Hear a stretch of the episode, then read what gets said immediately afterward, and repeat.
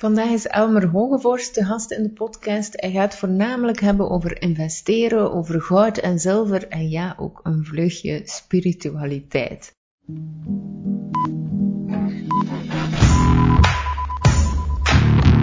Ik ben Kim de Graven, ondernemer, investeerder en grote gelover in de kracht van verbinding. Ik heb lang veel te hard voor veel te weinig gewerkt tot ik slimmer ging werken en durfde te leunen in plaats van altijd maar te dragen. Vandaag ben ik financieel vrij en ik hoop anderen te inspireren om te groeien naar een onbegrensd leven op basis van tijd, energie en geld, zodat je de ruimte creëert voor wat er echt belangrijk is voor u. Ja, nee, nou dat, is, eh, dat zal ik doen. Uh, uh, ja, ik zit al uh, heel lang, uh, zeg maar, een beetje in de, in de financiële wereld. Ehm, maar ik ben begonnen als ja, fiscaal jurist. En ik ben nog wel actief als fiscaal jurist. Dus mensen helpen met, met belastingzaken. Alleen het is door de jaren heen wat verschoven. Ehm, ik werkte vroeger bij hele grote organisaties.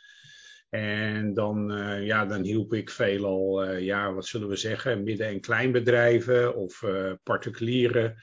Of allebei natuurlijk, hè, de directeur, aandeelhouders van, van bedrijven.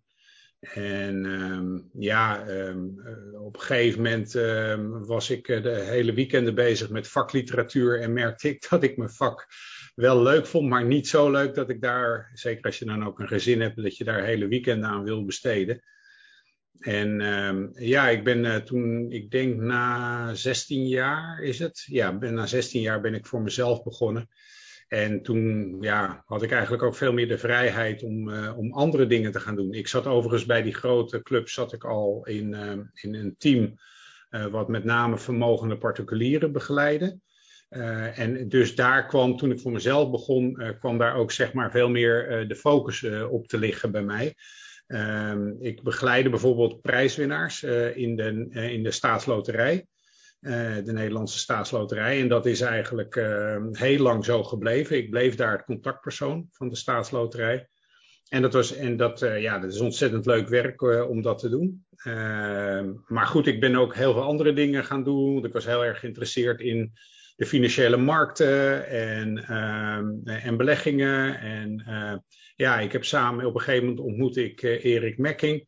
En met Erik heb ik samen uh, allereerst het boek Geld, Goud en Zilver geschreven. En een paar jaar later, uh, en dat was eigenlijk hoe wij elkaar leerden kennen, zijn boek Deflatie en Aantocht. Dat had hij al in 2005 geschreven en dat is toen daarna een aantal keren geüpdate.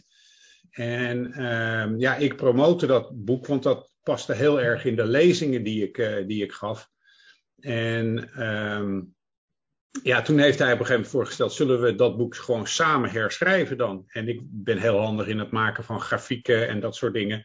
Dus dat boek, dat kreeg ook ineens, uh, ja, dat kreeg veel meer, uh, dat werd opgehaald om maar zo te zeggen. Het kreeg veel meer jeu, het zag er veel mooier uit. En, en we hadden ineens 52 grafieken in het boek. Dus dat, uh, terwijl daarvoor was dat er geloof ik één of zo. dus ja, dat was gewoon een hele, hele mooie samenwerking. Nou ja, en en dat is eigenlijk vooral wat ik doe. Ik heb een, tijd nog een webwinkel gehad in goud en zilver. Hè, waardoor ik dus ook wel begreep in de praktijk hoe dat, hoe dat werkt met, met goud en met, met zilver verkopen, aan- en verkopen. Maar toen kwam het boek uit en toen dacht ik, nou, dat is niet zo handig. Want dan zeggen mensen, ja, je hebt er een belang bij om te vertellen dat ze in goud en zilver moeten. Um, dus toen ben ik gestopt, heb ik de webwinkel overgedragen. En geef ik vooral lezingen en adviseer ik dus nog steeds vermogende particulieren. En schrijf ik ook nog wel een nieuwsbrief uh, over ja, financiële markten. Nou ja, en dat is, uh, uh, dat is eigenlijk in een nutshell, de, zijn dat de belangrijkste dingen die ik doe, Kim. Ja, maar ik vind, ik vind het zot, want je hebt het echt langs alle kanten gezien, hè? ja. ja, ja, maar dat, dat vind ik ook wel weer het leuke. Als je dan voor jezelf begint, dan, dan kun je dus op een gegeven moment... Uh, hè, dat is heel gek misschien, hè? Ik, ik heb natuurlijk 16 jaar in zo'n keurslijf gezeten bij een groot bedrijf... waarbij ik heel veel dingen eigenlijk niet mocht doen... die ik wel heel interessant vind, vond, maar uh, die ik niet mocht doen... omdat, uh, ja, dat paste niet binnen ja, het kader van, van de organisatie hè, binnen dat keurslijf. En, ehm, en toen, ik kan me goed herinneren dat ik de eerste twee jaar dat ik dacht van, oh, ik kan dit doen, oh, ik kan dat doen. En dat ik dan bij mezelf afvroeg van, mag ik dat eigenlijk wel doen? Toen dacht ik, wat een rare gedachte is dat, uh, weet je wel. En net alsof ik nog in dat keurslijf zit. Maar dan zie je hoe, hoe dat je beïnvloedt. En dat ik dacht, ja, natuurlijk kan ik dat doen. Ik werkte voor mezelf, dus ik kan dat gewoon gaan doen. dus uh, zelfs daar moest ik even schakelen af en toe. Ja, en op een gegeven moment dan denk je, oh ja, nou dat is wel heerlijk. Uh, als je voor jezelf werkt, dan kun je gewoon al die dingen doen die je leuk vindt. Ja, en, op pad komt. Ja, dat, dat, is inderdaad wel super. Want, want ik kan me voorstellen, nu op dit moment verandert er nog veel. En zijn je nog zo uh, langs alle kanten aan het kijken wat je kunt doen? Of heb je nu echt zoiets gevonden van, oh, daar blijf ik voorlopig bij? Ja, dat is eigenlijk wel waar ik het. Uh, nee, het is niet zozeer. Nou ja, kijk, als er nieuwe dingen voorbij komen, dat ik denk, hé, hey, dat is interessant, dan zal ik niet zeggen van dat ik daar niet voor open sta. Ja. maar op een gegeven moment vind je denk ik wel een beetje, een beetje je pad. En uh, ja, en wat ik altijd zeg, eh, Kim, is dat, is dat uh, op het moment dat het economisch beter gaat, en dan heb ik minder werk. en op het moment dat het economisch slechter gaat, of dat er heel veel in de wereld aan de hand is, zoals nu, uh, dan zie je eigenlijk ineens dat, ik, uh, dat er heel veel mensen op me, op me afkomen en die zeggen: Ja, jij zei altijd van er komt een grote crisis of en hoe moet ik mijn vermogen beschermen? Nou, allemaal van dat soort vragen. En dan weten ze je ineens te vinden. Dus dat is, uh, ja, zoals in deze tijd, komt, komen er heel veel nieuwe mensen op me af en dat is wel weer heel erg leuk. Ja. Ja, inderdaad. En, en ziet jij goud en zilver echt um, om je vermogen te beschermen? Uh, ja, het is een van de manieren om je, om je vermogen te, te beschermen. Uh, kijk, je zit, uh, heel veel mensen zeggen, denken wel vaak van ik ben beschermd als mijn geld op een bankrekening staat. en dan hebben we vanuit de EU bij alle landen een, een bescherming gekregen van 100.000 euro. per, uh, in Nederland is het zo per, per fiscale partner. Dus als je getrouwd bent, geldt het maal twee. Misschien is het, ik denk dat dat in België waarschijnlijk ook zo is. Ja, ik denk het ook, ja. Ja, en, uh, maar ja, dat zijn enorme bedragen, 100.000. Ze hebben dat wel eens, ja, zoals wij altijd zeggen, op de achterkant van een bierviltje uitgerekend. En kwamen we eigenlijk tot de conclusie dat dat helemaal niet kon. Dat die bedragen gewoon veel te groot uh, zijn. En ik kan me nog herinneren dat het in Nederland natuurlijk als, als uitvloeisel van die, uh, uh, van die Europese verordening, uh, dat dat ingevoerd werd. En daarvoor was het in Nederland maar 19.000 en dat werd ineens 100.000. Kan je al nagaan, dat was al factor 5. He, dus ja, dat, nou, dat is op zich denk ik voor heel veel mensen wel, kan het een fijn gevoel geven. Maar ik vraag me af of dat echt zo betrouwbaar is, omdat we ja, er zijn ook wel partijen, ook in Nederland, uh, die wel uh, onderzocht hebben hoe solide uh, de, de banken, niet alleen, of niet alleen in Nederland, maar in heel Europa nou eigenlijk zijn. En ja, die kwam er eigenlijk, een van de personen die dat onderzocht had, die kwam tot de conclusie dat, ehm, ja, dat van alle Europese banken misschien 75% wel technisch failliet is. En, en, als je dat hoort, dan, nou, dat wil niet zeggen hè, technisch failliet, dat ze ze ook daadwerkelijk om zullen laten vallen. Maar uh, ja, wel dat, je, dat dat minder uh, zorgeloos is dan wat heel veel mensen denken. Nou, en, en wat je, om nu op je vraag, een hele lange inleiding, nu op je, om op je vraag terug te komen. Wat je natuurlijk doet door het aankopen van goud en zilver, is dat je het uit het banksysteem haalt. en dat kan natuurlijk uh, extern, doordat je het ergens laat opslaan. Uh, maar dat kan natuurlijk ook zijn dat je dat uh, ja, thuis laat uh, bezorgen of ophalen. Er zijn heel veel mogelijkheden. En, en, en dat je dan ergens thuis een, een, plekje zoekt om dat op te slaan. Er zijn weer mensen die dat dan weer niet fijn vinden. Maar goed, zo is er voor alles wat natuurlijk. zijn er overal voor- en nadelen aan. maar goed, ja, dan heb je het ook. Als je het hebt, heb je het ook wel echt, hè, zeg ik dan. Terwijl iets wat op een bankrekening staat, is natuurlijk een belofte van, om, het, uh, om het terug te betalen. Uh, hè? Ja, en um, sowieso, wat, dat, wat dat bij mij een van de redenen was, is ja, als je kijkt naar de gemiddelde uh, rentes, hè, ik denk dat dat bij goud ongeveer 9% is en bij um, zilver 11% gemiddeld. Corrigeer mij als ik helemaal verkeerd ben. Um, maar ja, uiteindelijk het fiat geld gaat alleen maar naar beneden. Um, dus ook in, in, in dat opzicht heb ik wel zoiets van, dat zelf nog meer is dan alleen maar uw vermogen beschermen? Of zie jij dat anders? Ja, nee, ook, ook dat is, kijk, uh, wat wij wel vaak zeggen is dat eigenlijk de prijs van, uh, van goud en zilver moet wel omhoog. Want het wordt uitgedrukt in iets wat steeds minder waard wordt. Mm dus uh, mensen zeggen wel eens, ehm, ja, maar goud is zo duur, bijvoorbeeld. Hè? Dan zeggen ze, ja, goud staat zo hoog, goud is zo duur. En dan zeg ik altijd, staat goud zo hoog? Of wordt ons geld zo, steeds zoveel minder waard? En want dat laatste is het geval. We drukken natuurlijk, als je naar die grafieken kijkt, dan zie je echt zo'n stijgende lijn. Waarin we steeds ja, van onze eigen valuta, of het nou de euro is, of de dollar is, of de Japanse yen, dat maakt allemaal niet zoveel uit. we drukken dus heel veel bij. En uh, ja, dat kan alleen maar betekenen dat je, dat je koopkracht achteruit uh, gaat. En ik heb het wel eens uitgerekend, helemaal teruggerekend tot, tot 1980.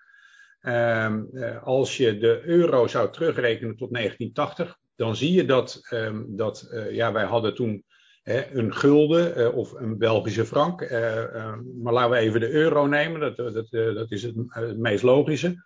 Een euro van toen, als die had bestaan, die was nu nog 7 cent waard geweest. Ja. En dan ben je dus 40 jaar verder in de tijd, hè, zeg maar van 1980 tegen, eh, tot 2020 eventjes gemakshalve genomen. En, en, en dan, ja, dan weet je dus dat, dat je geld 93% minder waard is geworden. Zoveel geld hebben we bijgedrukt. Ja, dus in die zin, uh, ja, hoeft, uh, ja, kan je zeggen van, want heel veel mensen zitten vaak naar de, naar de koersen te kijken van stijgt goud wel, stijgt zilver wel.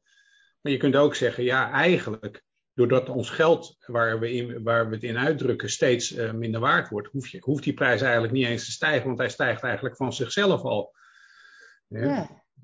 ja en um, ik, ik wil wel eens terugkoppelen naar het keurslijf, want jij zei het ook al, van op een bepaald moment stapt je uit uh, die sector, of niet uit de sector, maar, maar uh, in, uit loondienst. En je zegt van ja, ik vind het heel moeilijk om om dan ineens anders te gaan denken of te denken zoals ik echt wil, hè, die, die vrijheid te nemen. Maar ook daar merk ik wel dat, dat mensen nog steeds heel bang zijn om te investeren. En dat dat echt zo precies een keurslijf is waar dat we ingepropt zijn. Of, ik, ik weet niet hoe dat jij dat ervaart, want jij komt daar waarschijnlijk veel meer tegen dan ik. Ja. Nou ja, weet je, eh, heel veel mensen hebben ook, uh, en, dan kom je eigenlijk een beetje op een ander vlak. Uh, je zou een keer mijn vrouw moeten in, interviewen. Want die, die helpt mensen op het vlak van uh, ja, eh, die negatieve overtuigingen hebben. Mm -hmm. uh, heel veel mensen hebben ook op geld uh, allerlei overtuigingen.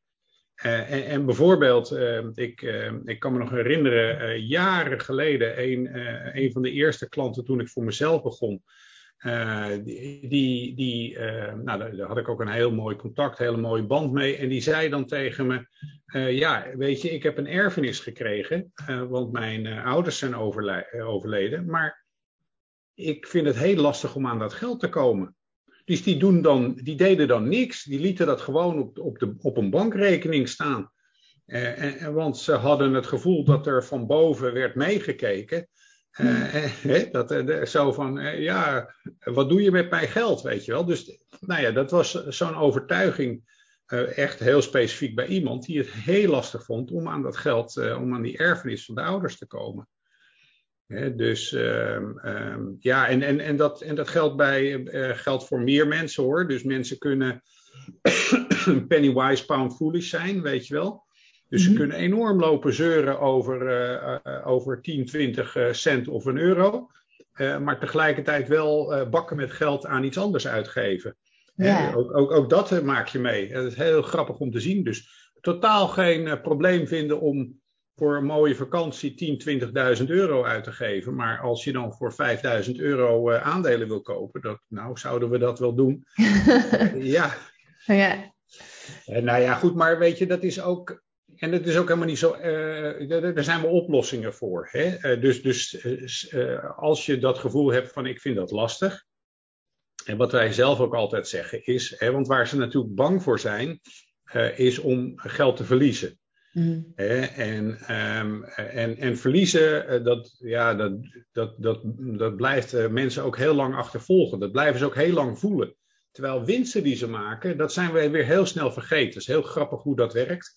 Uh, die, die psychologie daarachter. Hè? Dus je, je maakt een winst en eigenlijk de, de, week erop of zo was je alweer vergeten hoe het was. Maar, die, maar dat verlies, dat kon je nog precies navertellen. Maar soms wel jaren later nog. Ja. Op de een of andere manier komt dat veel harder binnen. En dat voelen we ook veel langer. Ja. En um, ja, om, om dat soort dingen te voorkomen. Dus stel jij hebt nu een bepaald eh, bedrag en je zegt, goh, ik wil uh, mijn vermogen, hè, want ik zeg altijd, je moet verschillende potjes creëren. Dus je moet het spreiden in, in, verschillende potjes.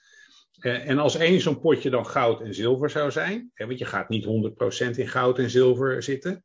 Hè, maar dat, doe je door, door, laten we zeggen, voor 1 vijfde of zelfs als je nog meer spreidt, 1 tiende gedeelte. Uh, dus je, je, creëert allemaal potjes en, en goud en zilver, als je in één keer daarin zou stappen nu en vervolgens gaat die koers dalen, dan zit je de hele tijd tegen een verlies aan te kijken. Dus ja. wat wij ook altijd zeggen is, um, koop nou steeds wat. He, dus één keer per maand bijvoorbeeld. En dan koop je voor, uh, nou stel dat je dat dus in, uh, dat je zegt, ik heb een behoorlijk bedrag wat ik wil investeren. En ik wil dat, en dan moet je niet denken in drie maanden of zo, maar denk nou eens gewoon in tien of twintig uh, maanden zelfs, of, of zelfs in drie jaar tijd. Hè? Dus dan heb je het over 36 maanden, waarbij je steeds één 36ste gedeelte aankoopt. Dan heb je natuurlijk een he hele tijd dat het, uh, dat het niet beschermd is. En maar dan, dan, dan stop je steeds uh, één, klein deel erin en dan krijg je dus ook steeds een andere aankoopprijs. Mm -hmm. Weet je, en dan koop je niet op de top, je koopt ook niet op de bodem, alles. Uh, maar goed, uh, zelfs daar kun je dan van zeggen, en die tips hebben we bijvoorbeeld in geld, goud en zilver wel gegeven. Als je nou ziet dat er een hele grote correctie is in de prijs, uh, misschien kun je dan overwegen om op dat moment wat extra te kopen. Wat we meestal doen is precies het omgekeerde. Ja. Namelijk als die prijs stijgt, dan, zijn we, hè, dan krijgen we FOMO, fear of missing out. En dan zijn we bang dat we niet meedoen en dan gaan we dan kopen. Hè, ja. ik, had, ik had laatst iemand die ik begeleide. En, en, en, daar had ik mee afgesproken, nou koop nou iedere maand, uh, koop, koop wat. En dan hadden we het in dit geval over bitcoin. En vervolgens, en we deden iedere week dan een sessie. En toen uh, zei ze na een week van, ja, ik heb alweer bitcoin bijgekocht. Ik zeg, maar dat zouden we toch één keer in de maand doen? Maar toen zei ze, ja, maar het steeg zo hard. Ja, en, en dat, dat, dat geeft heel mooi dat kuddegedrag aan, hè, waarbij we dus heel bang zijn om de boot te missen. Ja. He, dus uh, terwijl je moet dus precies het omgekeerde doen. Ook gaat het heel hard naar beneden. Prachtig. Misschien koop ik dan wat extra. Ja, ja en dat zie ik inderdaad ook wel, wel vaak terug. En dan, dan ja, ja, bij mijn uh, cursus, cursisten, ja, ik ga ze zo noemen, um, zie, ik, zie ik inderdaad net hetzelfde. Dat toch altijd, uh, maar dan ook, hè, zoals van het weekend, als de koers dan mega hard daalt, Ja, de hele ja. grote paniek, hè. Ja. Um, en, en, oh nee, ik heb iets stoms gedaan. En ja, ja, dat is echt wel uh, iets dat je moet omzetten, dat je anders moet over na gaan denken. Je gaat ook niet gaan tanken waar het duur is. Je, de, dus, ja, ja. ja, Nee, dat, nee maar dat, dat, dat, dat klopt. En dat, is, um, dat, dat noem ik. Uh, uh, ik geef uh, één keer in de zoveel tijd geef ik een masterclass. En daar komt kuddegedrag komt daar ook altijd heel sterk naar voren. Ja, En uh, vooral de laatste tijd uh, uh, door, en, en, en nou, krijg ik heel veel vrouwen ook in de, in de masterclass. Dus dat is wel heel erg leuk. En dan haal ik altijd specifiek het voorbeeld aan van het verschil tussen een aandeel kopen op de, op de beurs. En, en die zet ik dan naast het kopen van schoenen. mm -hmm. En bij kopen van schoenen komt daar nog een stuk ratio bij kijken. He, want dan uh, bijvoorbeeld, dan geef ik het voorbeeld en dan zeg ik, goh, stel jij gaat naar de winkel toe en jij ziet daar, uh, Kim, je ziet daar prachtige blauwe schoenen. Maar daarnaast, hey, ze hebben ze ook in bruin en die vind ik eigenlijk ook wel heel erg mooi. Nou, jij kan niet kiezen en die verkoper zegt tegen jou, als je nou dat tweede paar ook koopt, dan geef ik je daar 30, 40, 50 procent korting. Mm -hmm. Nou, jij denkt, wat denk jij? Uh, uh, ik, ik, ik, ik, zelf, ik, ik ja. Je bent geen schoenenkoper. Nee, nee, dus ik heb zoiets van, ja. Voor jou het verkeerde voorbeeld, hoor ik. nee, maar, maar um, ja, automatisch zouden, als je ze echt graag wilt, wel denken van, ah, dan neem ik ze er nog bij. Dat is, een, koop, dat is een koopje, hè? Dat ja. Is, uh, ja. Dus, um, ja, dus het is, dat is puur dat we toch nog rationeel kunnen denken. Maar bij op de, als het om de beurs gaat, de financiële markten, dan denken we niet uh, rationeel. Dat wil niet zeggen Mhm. irrationeel, dat is wat anders, maar we denken niet rationeel. Ja. Dus uh, bijvoorbeeld, uh, jij koopt, jij wil een bepaald aandeel kopen. nou, ja, op de, op de beurs, noem eens wat. De Belgische beurs bijvoorbeeld. Bekend aandeel. Uh, een uh, basic fit of zo, ik zeg maar iets. Ja. Basic fit, oké, okay, vind ik ja. een mooi voorbeeld. nou, jij, jij hebt het aandeel Basic Fit gekocht voor 25 euro. Nou, uh, de financiële markten gaan onderuit. En vervolgens kan je Basic Fit voor 12 euro kopen. Ja. wat, wat doen beleggers in heel veel gevallen?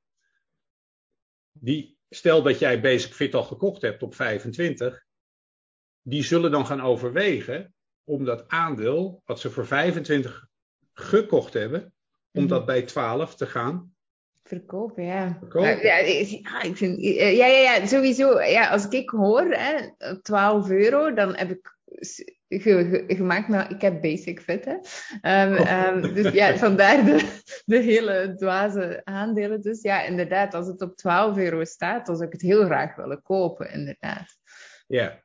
Ja. ja, maar de praktijk leert vaak dat mensen de aandelen die ze al hebben, die willen ze verkopen. Ja, oké. Okay. In plaats van dat ze zouden zeggen, hé, hey, ik krijg korting op dat aandeel. Uh, en misschien moet ik hem wel voor 12 gaan kopen. Ja, ja, ja, ja, ja inderdaad. En ik, pas op, hè, ik, ik, kan, ik kan zelf heel goed die emoties uitschakelen. Dus ik heb echt wel zoiets... Ja, denk je, denk je dat? Ja, nee, ik weet wat je zegt. Ik, pas op, hè, van het weekend, toen als het heel hard daalde, had ik ook wel even zoiets van... Ja. Maar ik kan, ik kan er mij wel heel snel overzetten, omdat ik Mhm. ergens heel veel vertrouwen heb, denk ik. Ik denk dat jij dat zelf ook wel eh, hebt, hè? Of, of ervan uitgaat dat het weer goed komt. Dus ik, ik blijf wel gewoon mijn strategie aanhouden en ik heb wel de discipline om gewoon te doen wat ik met mezelf heb afgesproken daar. Ja, precies. Ja. Ja, als je, als je uh, vroeger had ik een, uh, iemand bij de bank en die zei altijd tegen me toen die markt een keer onderuit ging. Toen zei hij, als je um, uh, geknipt en geschoren wordt, moet je stilzitten. Ja. En, en, en ja, daar moet ik altijd aan denken. Ja. Maar misschien moet je ook wel niet stilzitten en juist gaan kopen. Hè? Dus niet eruit stappen, maar juist uh, weer erbij gaan kopen. Ja. Ja, ik, ik vind het inderdaad wel, als het, dat is dan mijn valkuil misschien wel, dat als het heel hard daalt, dat ik altijd inderdaad graag wil bijkopen.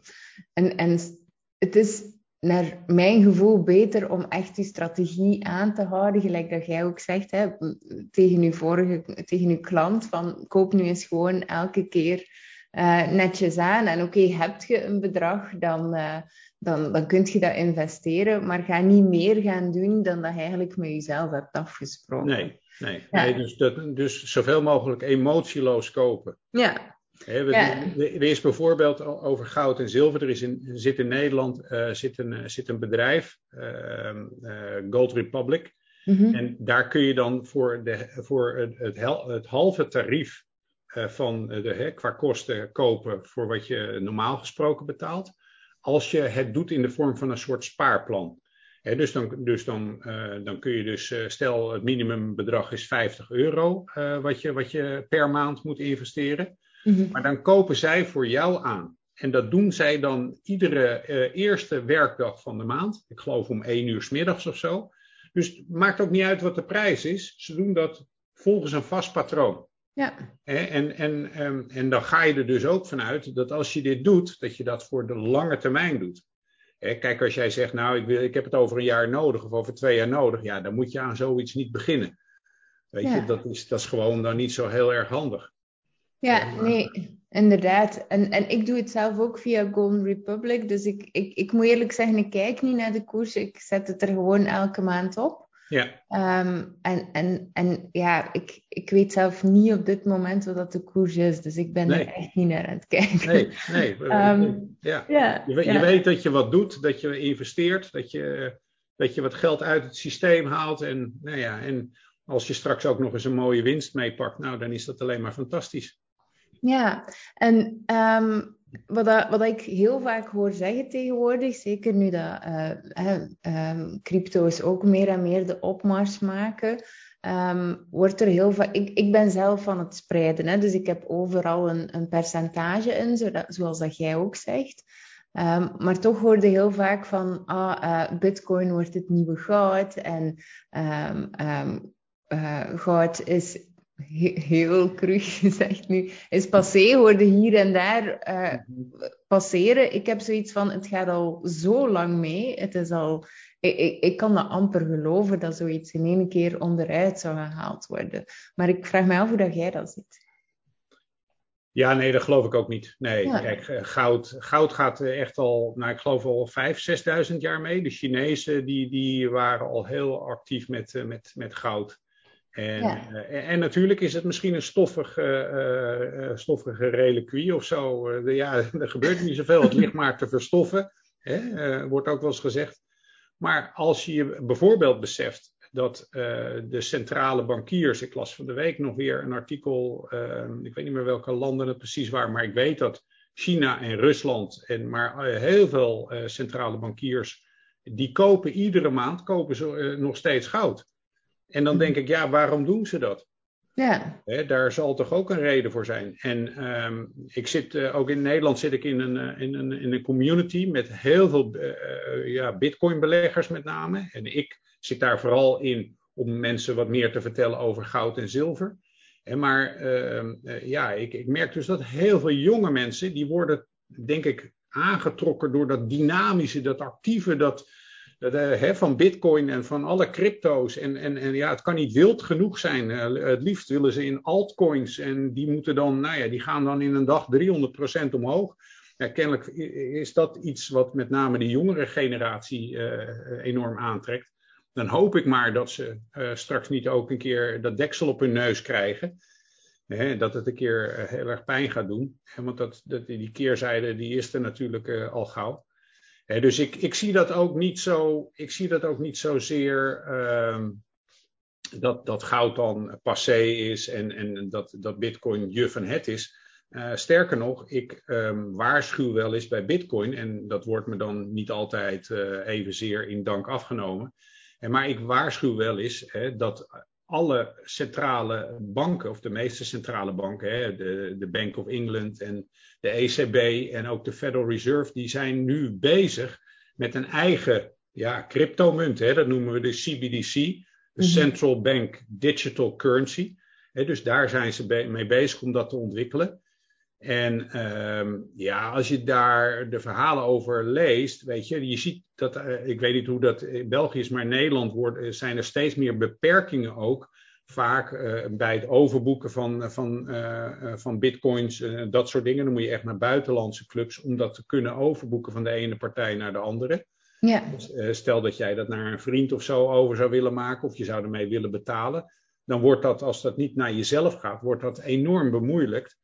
Um, dus ik zie die enorme repressie op, op bitcoins. En ik heb het zelf het, het idee, het sterke idee, uh, en die signalen zijn er ook wel, die zijn ook zelfs door uh, governor van de Bank of England bijvoorbeeld afgegeven, dat op het moment dat jij straks, hoe heet het, dat, dat er straks zo'n centrale munt komt, dat ze dan zullen zeggen, wij willen geen concurrentie.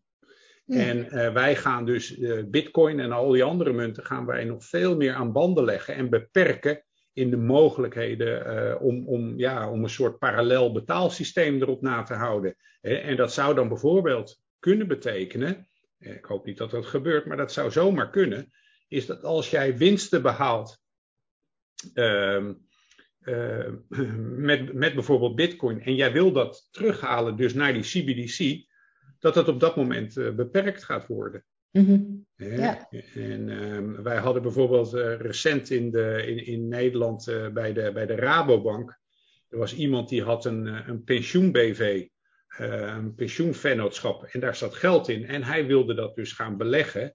En hij wilde onder andere daar dus bitcoins verkopen. En hij mocht van de Rabobank, mocht hij dus van zijn pensioengeld in zijn BV, mocht hij dus geen uh, bitcoins kopen. Dat werd hem gewoon verboden. Ja. Uh, dus ja, dan, dan denk ik al van, goh, als het die kant op al niet mag, dan mag het dan straks de andere kant wel op, weet je. Dus daar, uh, dat vind ik in die zin wat, een wat zorgelijke ontwikkeling. Ja. Dus, en, en, en ik denk dat het heel goed is dat mensen dat, dat altijd in hun achterhoofd houden. Ja. ja, en langs de andere kant um, breng het dan ook weer bij, uh, bij de angst hè, om iets met je geld te gaan doen, natuurlijk. Hè. Um, um, ja, op, op, op je rekening staat het, staat het te, te lekken. En, en dan wil het eigenlijk echt wel graag gaan verdelen. En inderdaad, het, het, het, het zijn echt, ik, ik vind het heel interessante tijden. Hè? Sowieso, alles Zeker. is aan het verschuiven. Ik vind het ja. zo mooi om te zien. Um, en langs de andere kant vraag ik me inderdaad soms af van, oeh, ja, wel uh, interessant waar dit heen gaat. ja, zeker. Ja, ik ben ook heel benieuwd hoe zich dit gaat, ont, uh, gaat ontwikkelen. Ja, ja. ja want er, er is wel inderdaad, uh, weet je, we, we, we, hebben natuurlijk sinds de vorige crisis, hè, de periode 2008-2013, zal ik maar even gemakshalve zeggen, mm -hmm. hebben we zoveel meer schuld wereldwijd gemaakt zoveel meer schulden. Ik geloof dat het 40, 50 procent uh, uh, meer krediet in de wereld is gekomen sindsdien. En dus we zitten eigenlijk een beetje in een soort dead-end street, een soort doodlopende straat. Van ja, hoe, hoe lang duurt het nog voordat je tegen, met je hoofd tegen die muur aanloopt? En want je kunt op een gegeven moment, ja, er, er moet een keer een soort reset komen waarbij we Hè, waarbij we dus een, eh, een, nieuwe munt of een nieuwe valuta uh, in de markt uh, gaan krijgen. Nou ja, misschien is dat dan wel zo'n CBDC, hè, wat daarvoor in de plaats komt. Maar ja, wat betekent dat voor, dat voor alle bestaande zaken? Ja. Dat, dat is best wel interessant en ook misschien wel spannend. Ja. En daarom zeg ik ook van dat het wel handig is om, om juist die spreiding aan te brengen in heel veel dingen. Ja, ja, en daar ben ik, zeker, ben ik het zeker en vast mee eens. Ik, uh, ik, ik zit zelf grotendeels in uh, de cryptomarkt en dan uh, daar rond zitten, de, zitten de anderen. Ja. En inderdaad, zoals dat jij ook zegt, hè, het, um, het, het, het het zou niet mogen. En dat heeft dan ook wel weer iets te maken, denk ik, met emoties. Maar het, het, ik, ik vind het ook leuk dat hij heel hard op en neer gaat. Terwijl, dus, dus hè, toen als je daarnet zei van, ja, is dat zo? Ja, dan, dan merk ik nu wel van, ja, eigenlijk zit daar inderdaad nog wel wat emotie. Want anders zouden we altijd kiezen voor de saaie aandelen, bij wijze van spreken. nee, ja, maar dat, dat, dat is ook zo. En... en uh Weet je, en we hebben bijvoorbeeld, uh, dat, dat, vind ik ook altijd wel een aardig voorbeeld. Uh, uh, wij hebben in Nederland bijvoorbeeld een, een heel groot, eh, ons grootste pensioenfonds, het ABP, het Algemeen Burgerlijk Pensioenfonds. Dus daar zitten dus heel veel ambtenaren en overheidspersoneel heeft daar zijn pensioen onder gebracht. Nou, dat is een enorm groot pensioenfonds. En uh, ik kan me nog herinneren dat, uh, nou, dat, dat, dat zal ook in België zal je dat nog aanspreken. We hadden het over Fortis, mm -hmm. de, de bank Fortis. en zij hadden, kan ik me herinneren, op een gegeven moment in, ik dacht in de zomer van 2008 ehm, was het, hadden ze het aandeel Fortis, dat was flink gekelderd. En dat stond toen op 10, ehm, op 10 euro, dat aandeel. En uh, toen hebben ze geloof ik 500 miljoen van het pensioengeld, het Nederlandse pensioengeld, hebben ze gebruikt om te investeren in Fortis. Dus het pensioenfonds was best wel groot ingestapt in, in dit aandeel. En want ze dachten, nou die hebben al, ik geloof misschien al, uh, ik, ik, geloof dat ze al twee derde van hun waarde kwijt waren. Dus die dachten, nou op 10, 10 euro is dat een koopje.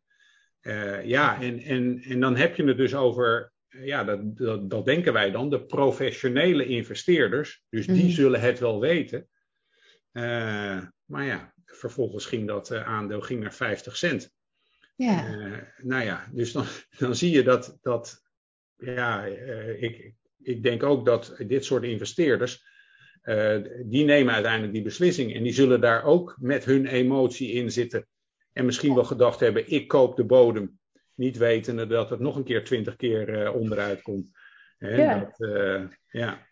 Ja, en dat is, dat, is het, dat is het vervelende, denk ik vooral. Hè? Dat je niet in de toekomst kunt kijken en dat je, dat ergens toch altijd um, ja, iets of wat speculatief bezig bent. Alhoewel, hè, je hebt natuurlijk in het verleden al de speculatief is een groot woord, maar um, je hebt natuurlijk alles in het verleden, maar, maar omdat je niet in de toekomst kunt kijken, moet je ergens wel toen op vertrouwen. Hè? Ja. Ja. Ja, voor, ja, je moet het doen uh, op vertrouwen. Uh, toch, uh, ja, ik, ik heb zelf een, wel een model ontwikkeld voor bijvoorbeeld de financiële markten. En wat ik op dit moment wel zie, is dat het, ehm, nou ja, het is niet altijd op de dag nauwkeurig, maar wel rondom die dag. En uh, ik weet bijvoorbeeld dat er waarschijnlijk in januari, februari, maart uh, komen er op de financiële markt uh, vrij grote correcties aanzetten.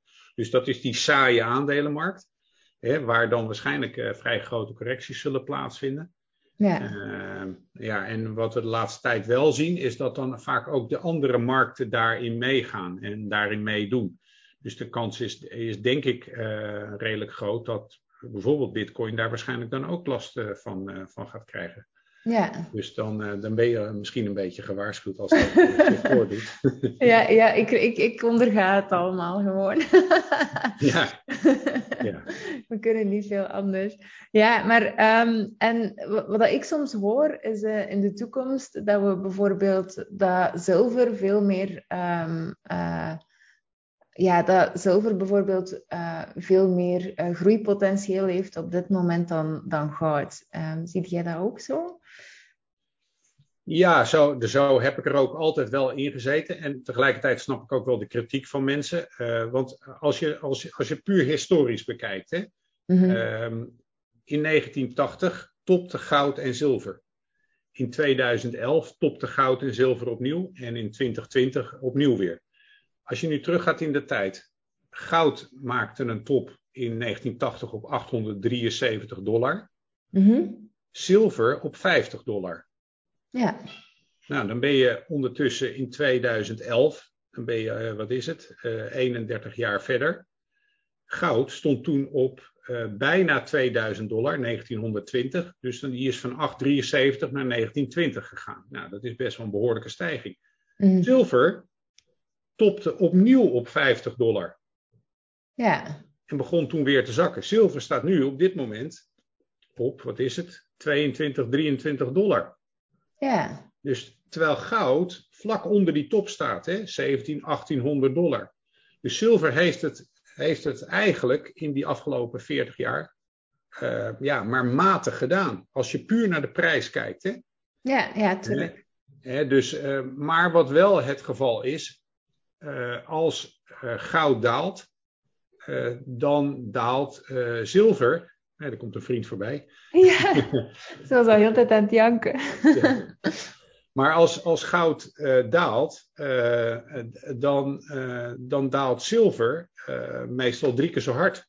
Ja. Als goud stijgt en zilver doet echt wel mee in een, in een bullrun, dan zie je dat zilver vaak ook drie keer zo hard stijgt. Hè? Ja. Uh, dus vanuit die optiek zou je al mogen verwachten dat zilver misschien nu al op 150 dollar had moeten staan. Maar dat staat het niet. Dus uh, het kan zijn dat inderdaad bij een volgende enorme sterke stijging, dat zilver dan absoluut goud gaat outperformen.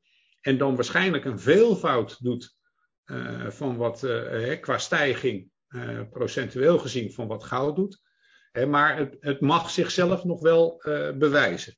Ja, ja, kan ik maar, wat je nu zegt inderdaad, hè, want, eh, want daar, daar ben ik niet zo van op de hoogte. Hoe dat je het nu zegt, heb je wel zoiets van, hm, ja, in het verleden uh, heeft het zichzelf inderdaad nog niet te veel bewezen, dus waarom zou het nu anders zijn, denk ik dan heel snel. Ja. Um, alhoewel dat ik, dat ik wel al gehoord heb, maar ik weet niet of dat, dat correct is, um, jij gaat dat zeker kunnen, kunnen uh, staven, is dat de zelfrijdende wagens, dat die een onderdeel hebben in de toekomst, hè, dat, dat die uh, een onderdeel hebben waar dat er redelijk wat zilver in verwerkt wordt.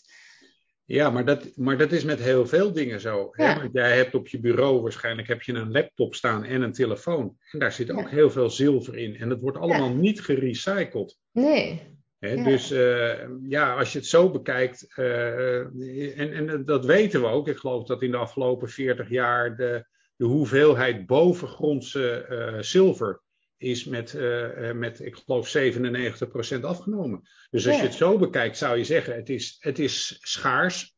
En, en zou dus ook, ja, ook best wel beter geprijsd mogen worden als je het, als je het puur fundamenteel bekijkt. Ja. maar dat, ja, op de een manier zien we dat, zien we dat toch niet, niet terug. Ja, oké. En, en hoe komt dat, denk je? Ja, nou ja, het is lastig. Zilver, we zeggen wel eens, goud is meer, is, is meer een, een, een, waardeopslag en zilver is meer een grondstof eigenlijk. Ja. en, en ja, wordt dus in heel veel dingen verbruikt. maar ja, toch leidt dat er niet toe dat we dat beter weten te waarderen. Althans, vooralsnog niet. En het zou best kunnen hè, dat dat als, want ik denk dat goud de potentie heeft om in de komende jaren, hè, daar heb ik het e-, even over goud. Een, van de, een van de analisten die ik zelf ook volg, die zegt dat goud naar 6000 dollar kan gaan, of 6.500 dollar. Nou, moet je nagaan. Dus dat, dat gaat, dan gaat hij drie, vier keer over de kop. Ja. Uh, als zilver daarin meedoet, en dat mag je dan aannemen hè, in die stijging, dan zou je mogen verwachten dat, uh, dat, dat zilver dan misschien ook wel naar de ja, uh, eh, 200 dollar zou gaan. Nou, dat zou natuurlijk extreem zijn vergeleken met nu. Hè? Dan, dan, dan doe je bijna tien keer zoveel als wat het nu doet. Ja. Ja, dus misschien gaat het nog wel komen, Kim. maar nogmaals, het moet zichzelf nog wel even bewijzen. Ja, ja nee, snap ik helemaal. ja. ja, en, en um, ik weet niet of ik dat mag vragen. Hoe, in, in welk percentage spreid jij zelf je portefeuille? Nou ja, als je het hebt over goud en zilver. Ik heb geen goud en alleen zilver. Dus wat dat betreft. ja. Uh, heb ik dat, nou ja, wat jij daar straks zei, dat statement uh, uh, van ja, dat zilver meer potentie heeft. Mm -hmm. Ja, dat, dat idee heb ik zelf ook nog steeds. En, de, en, daar, en daar wil ik ook nog steeds heel graag in geloven. En daar ben ik dus ook op dit moment uh, ja, helemaal voor gepositioneerd. Om, de, hè, dus ik hoop dat het zich gaat bewijzen in die zin. Ja. Dus, dus ja, wat dat betreft, ik, heb, ik bezit geen goud. Nee, ik heb het wel gehad in het verleden, maar op een gegeven moment heb ik toch, nou ja, ook soms wat dingen verkocht, maar ook geruild voor, voor zilver. Ja. Ja. En ik heb het trouwens voor de goede orde, voordat mensen denken dat ik het thuis heb liggen. Ik heb het allemaal extern opgeslagen. ja, voor ze komen aankloppen. ja, precies. Ja. ja, ik ook niet trouwens. Bij mij ligt het ook allemaal veilig aan. Dus even voor de duidelijkheid. Ja. Um, dus, ja. dus wat dat betreft heb ik die spreiding niet. Uh, overigens is het geloof ik zo dat zilver uh, hè, 70 keer zo goedkoop als goud. Als je het per, de prijs per ounce, hè, we rekenen dan in troy ounces. -hmm. Een beetje een lastige maat, uh, hè? dus 31,1 gram. En, maar ik geloof dat het uh, nu factor 70 is, wat, wat zilver goedkoper is dan, dan goud. dus ja, als je het zo bekijkt, is zilver natuurlijk ook veel goedkoper. Hè? Dus als jij zou zeggen, ik wil 50%, 50% goud en zilver doen, dan ben je bij goud heel snel klaar. Dan heb je zo'n stukje goud en dan heb je al 50% van je vermogen waarschijnlijk. Ja, hangt van je vermogen af. En bij zilver heb je vaak, hè, dat is veel volumineuzer, dus dan heb je al heel veel kilo's uh, al gauw om, om zeg maar hetzelfde bedrag als goud uh, in aanmerking te nemen. En dat merk je natuurlijk ook bij opslag, omdat bij opslag uh, ja, betaal je bij zilver natuurlijk ook behoorlijk. omdat, het, omdat het heel veel volume heeft. Ja. dus in die zin heb ik niet de ideale spreiding aangebracht tussen goud en zilver, omdat ik een echte believer ben als het om zilver gaat. Ja. Uh, maar ja, steeds met de kanttekening, uh, bewijs je nu eens een keer zilver. ja, ja, ja. ja, maar ik vind het wel mooi dat je het zegt. Dat inderdaad, hè, je, je legt het eerst helemaal uit in het verleden. En dan zei je toch van, ja, geen, geen, zelf geen goud. Ook niet een beetje. Of uh, echt niks. Oké. Okay. Nee. Ja, ik, ik, ik blijf nog altijd een beetje goud kopen. Um, ik, ik doe wel 50-50 daar. Um, en, en ja, de, de rest zit dan in de aandelen en in, in, in crypto's en, en vastgoed uiteraard. Um, maar ik veronderstel dat jij ook in, in al die markten wel thuis bent. uh, ja, ik, nee, uh, aandelen en ja, verschillende categorieën. obligaties heb ik niet, want met mm-hmm. stijgende rente dalen je obligaties. Dus op dit moment zeker geen obligaties. En ook vastgoed heb ik niet. Ah, ja, ja. Uh, met het oog ook op de masterclasses uh, die ik natuurlijk geef. Ehm, ja, ik krijg heel veel vastgoedbeleggers in mijn masterclasses. En dat is voor mij ook trouwens wel een teken aan de wand. Hè, want ik heb wel, ik, ik, merk dat, er, dat mensen massaal in vastgoed zitten. we zijn natuurlijk omdat mensen op zoek zijn naar, naar bijvoorbeeld passief inkomen. En dan wordt er vaak vastgoed gekocht uh, in, in, en dan het rendement daaruit, dat zorgt er natuurlijk voor dat je dus een bepaalde cashflow, een bepaalde stroom krijgt. En, maar tegelijkertijd vind ik echt, als je naar de, de, Nederlandse markt, ik denk dat maar de, in heel veel Europese markten zal het niet anders zijn, vind ik, vind ik, vind ik vastgoed op dit moment echt, echt zeer, zeer duur. Ja. En je ziet dat ook in allerlei uh, terugkeren in, in allerlei andere statistieken. Dus bijvoorbeeld, um, uh, we hebben in Nederland bijvoorbeeld hebben we heel veel vraag aan de ene kant, maar hebben we heel weinig aanbod. En dat betekent ook al dat daar een enorme spanning op die markt zit. Dus op het moment dat iemand nu op dit moment besluit om zijn huis te gaan verkopen, is het ook vaak nou, binnen 24 uur verkocht. Als het een beetje goed onderhouden is. En het is vaak, de prijs is vaak ook nog eens dik, dik overboden. Ja. En dat, en dat geeft aan dat dit een, zo zeg ik het ook altijd, dat dit een perfecte markt is uh, om, je, uh, om je huis te verkopen. Ja. En niet, het is een echte verkopersmarkt en geen kopersmarkt. Als jij met een, heel veel anderen voor een huis staat en vaak in Nederland gaat het met een envelopje en dan moet je daar een prijs in vermelden en dat overhandig je dik overbieden. Ja, dat is eigenlijk zo ongezond. En dan ben je ook weer bezig met dat FOMO, hè, fear of missing out. Heel veel mensen zeggen, ja, maar ik wil nu dat huis een keer hebben. Dan zeg ik, joh, ga op je handen zitten, doe rustig. ja, wacht gewoon, heb geduld.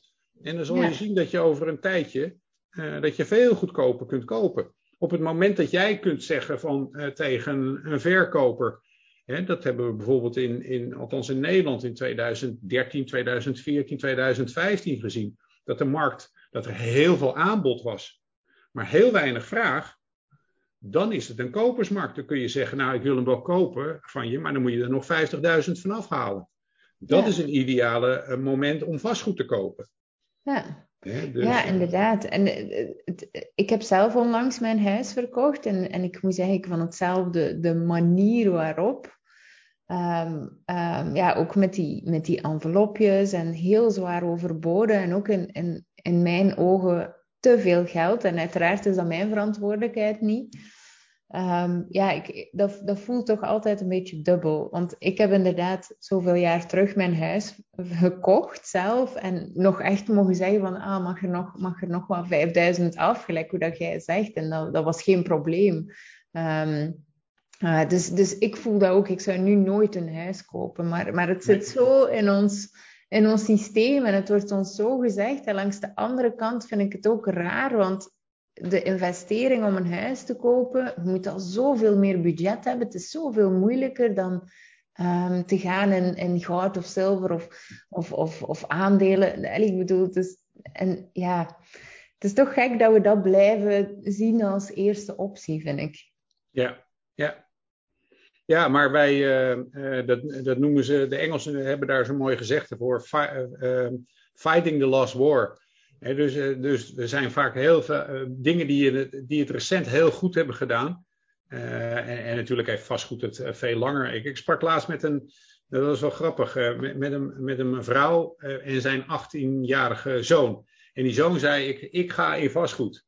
En dan zei ik, oh, oké, ja, nou, we hebben in 2008, 2013 hebben we een hele kleine correctie. Daarna gaat het weer omhoog. En daarvoor heeft vastgoed het altijd goed gedaan. Ik zeg, nou ja, je bent nog niet zo oud. Ik zeg maar, als wij teruggaan naar 1979 en 1982, ging er in Nederland uh, 42, 45 procent van de vastgoedmarkt af. Oh, oh, dat getal wist hij dan niet. uh, ja, ik zeg dus, het is niet zo dat het altijd alleen maar goed gaat dus dat, dat kan ook zeker, eh, kan dat, eh, kan dat echt wel anders uh, zijn. Ja, maar ja, we, we, fighting the last war. Het, het afgelopen tien jaar heeft het, of vijf jaar misschien zelfs, heeft het het fantastisch gedaan in Nederland. En zijn de prijzen misschien in vijf jaar tijd wel verdubbeld.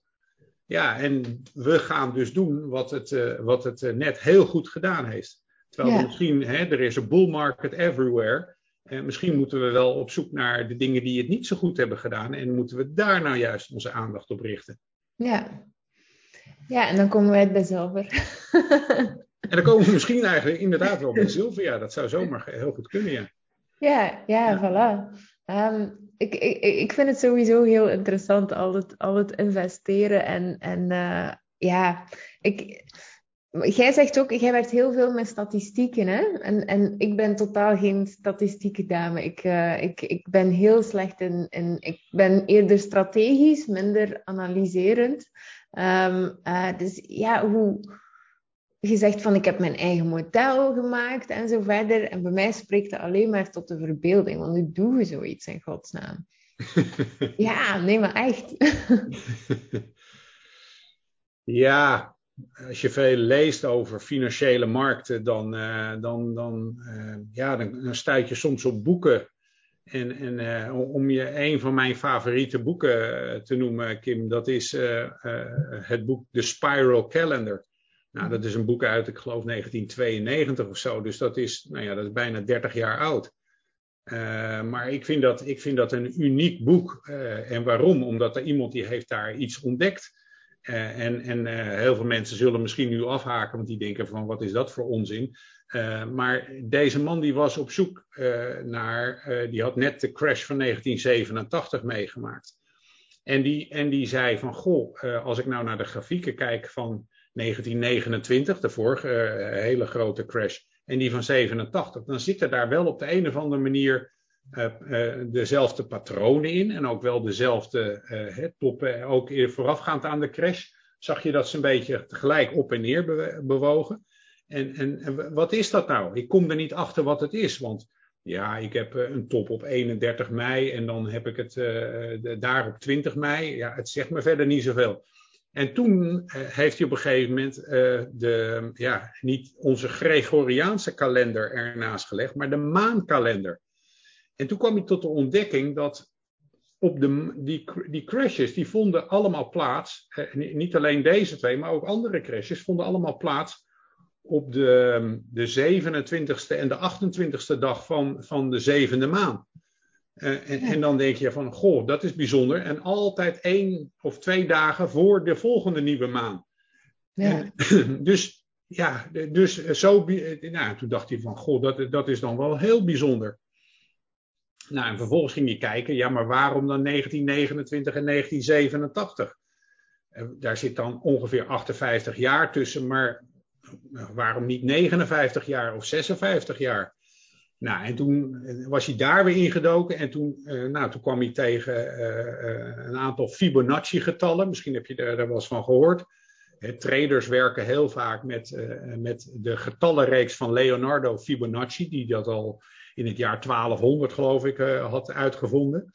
En, en, en, en die reeks, en dan nam hij dan weer de wortel uit en dat dan maal de omwenteling van de maan om de aarde. En toen kwam hij tot de ontdekking dat je dus toppen en bodems op de financiële markten kon berekenen. Met behulp van dit gegeven. Nou, ik, ik vind dat uniek. En, en, nou, dit is een methodiek die ik zelf bijvoorbeeld nog steeds regelmatig gebruik. Ja. En, en, en zo ben ik er ook toe gekomen om eens te kijken naar de maankalender. En op basis daarvan heb ik zelf een model gemaakt. Ja. En, nou ja, en zo kom je tot, kom je tot iets.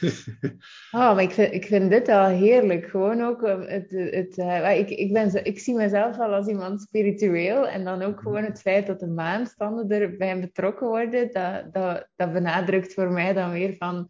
Wow, het is wel allemaal connected. ja, het is ook allemaal wel, uh, wel connected, ja. Dus, ja. ja.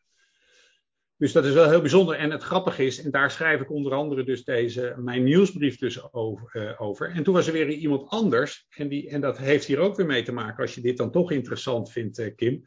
En die ontdekte dat om de waterstanden, die worden bepaald door de aantrekkingskracht van de zon en de maan ten opzichte van de aarde. En de maan is geloof ik voor twee derde verantwoordelijk en de zon voor een derde verantwoordelijk voor die waterstanden. En dus wat ging hij doen? Hij ging kijken naar de, de waterstanden, bijvoorbeeld, die vlak bij Wall Street lagen. en uh, de, de, Battery Park, dat is een water wat vlak uh, in de buurt van Wall Street is. En die waterstanden die ging hij dan gebruiken om te kijken of hij daarmee weer toppen en bodems kon vaststellen.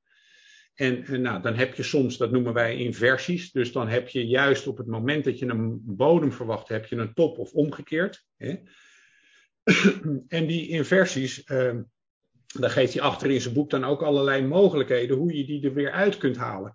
Nou, daar ben ik ook honderden uren mee bezig geweest. Dat zal wel. Om te, om te kijken of ik dat kon vinden. En daar ben ik wel uh, in geslaagd om dat, om dat ook weer terug te vinden. En dat, uh, of mijn methodiek 100% goed is, dat denk ik niet. Maar het, het is wel voor een heel groot deel. Uh, pakt hij dus die, die keerpunten. En, en, dus heb je dus in zijn algemeenheid kun je zeggen dat als het volle maan is, dan heb je vaak een bodem. En nieuwe maan heb je een top. Maar dat kan zich soms ook omdraaien. En dat hangt dus van die inversies af. Nou, en dit vond ik ook weer zo uniek. En dat combineer ik dan dus weer met dat andere model. Nou ja, dus dan, ja, het is gewoon, uh, ik vind het, ik vind het uh, heel bijzonder hoe je dan de waterstanden in de buurt van Wall Street kunt gebruiken om de toppen en de, en de bodems op de beurzen van Wall Street uh, te, te voorspellen. Ja. Ja. Ja, mooi. Ja, ik vind, ik vind het echt cool. Ik zou wel eens uh, mee willen kijken over uw schouder. Hoe dat je dat ja, nou ja. Moeten we een keer een aparte sessie doen. ja, ja, ja, ja, ja.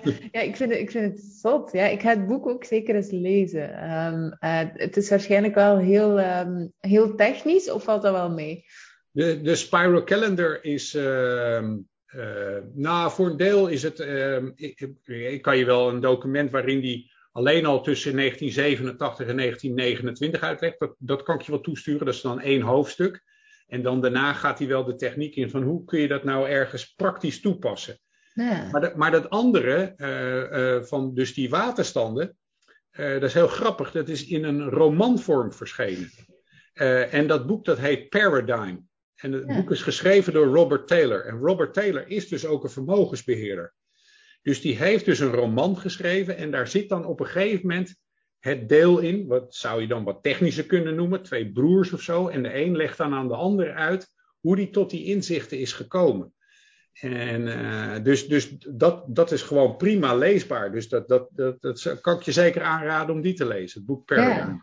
Ja, oké, okay, merci voor de boekentips. Ja, heel leuk. Ja, ik, ik, ik, uh, ik had dit niet verwacht, dat, dat het gesprek deze ja, We gaan gewoon over goud en zilver praten. Ja, ja, ja, ja, ja, ja maar daarom vind ik het altijd zo leuk om, om, om gewoon een gesprek te starten en uh, te zien van, van wow, wat Welke kant het op gaat. Ja, ik, ik vind het mooi. Um, ik, uh, dikke merci ook voor, voor de podcastaflevering. Ik vind het super. Um, waar kunnen de mensen u vinden? Of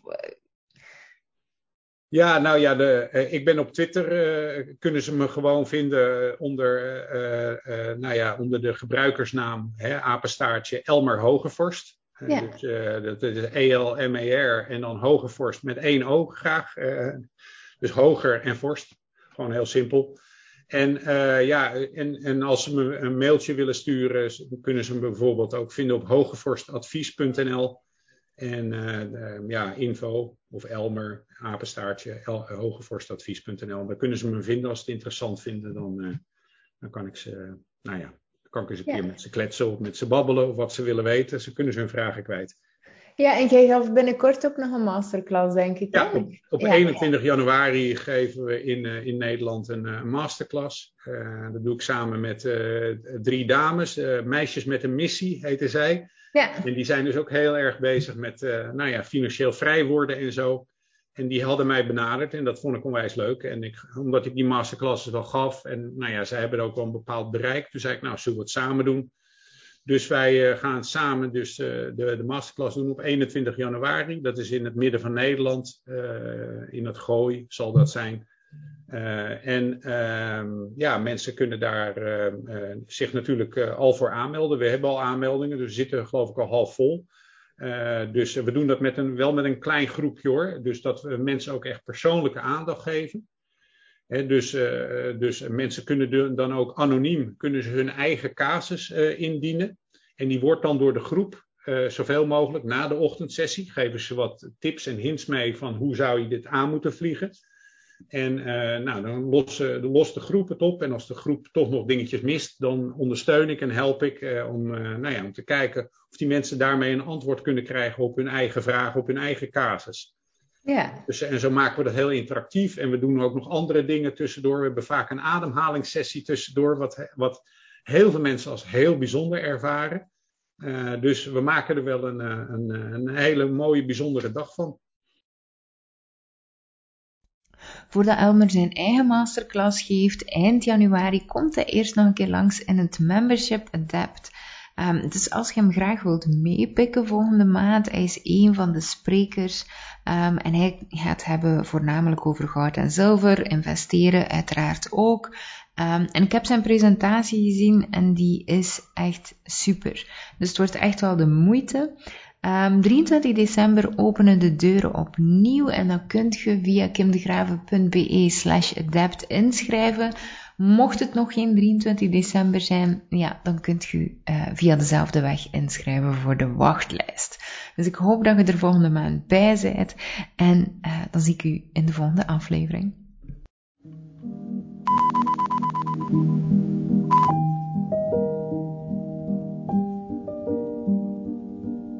Bedankt om deze podcastaflevering helemaal uit te luisteren. Zijt je concreet geholpen? Super. Deel dan op Instagram, vertelt mij wat je grootste inzicht was van vandaag of abonneert u zodat je geen enkele aflevering meer mist. Wilt je heel graag met mij werken? Dat kan. Ik heb een membership. Het noemt Freedom Adapt. En je vindt het onderaan in de show notes of je kunt het vinden op kimdegraven.be slash adapt. Zo gaan we nog dieper in op het thema onbegrensd leven op basis van tijd, energie en geld.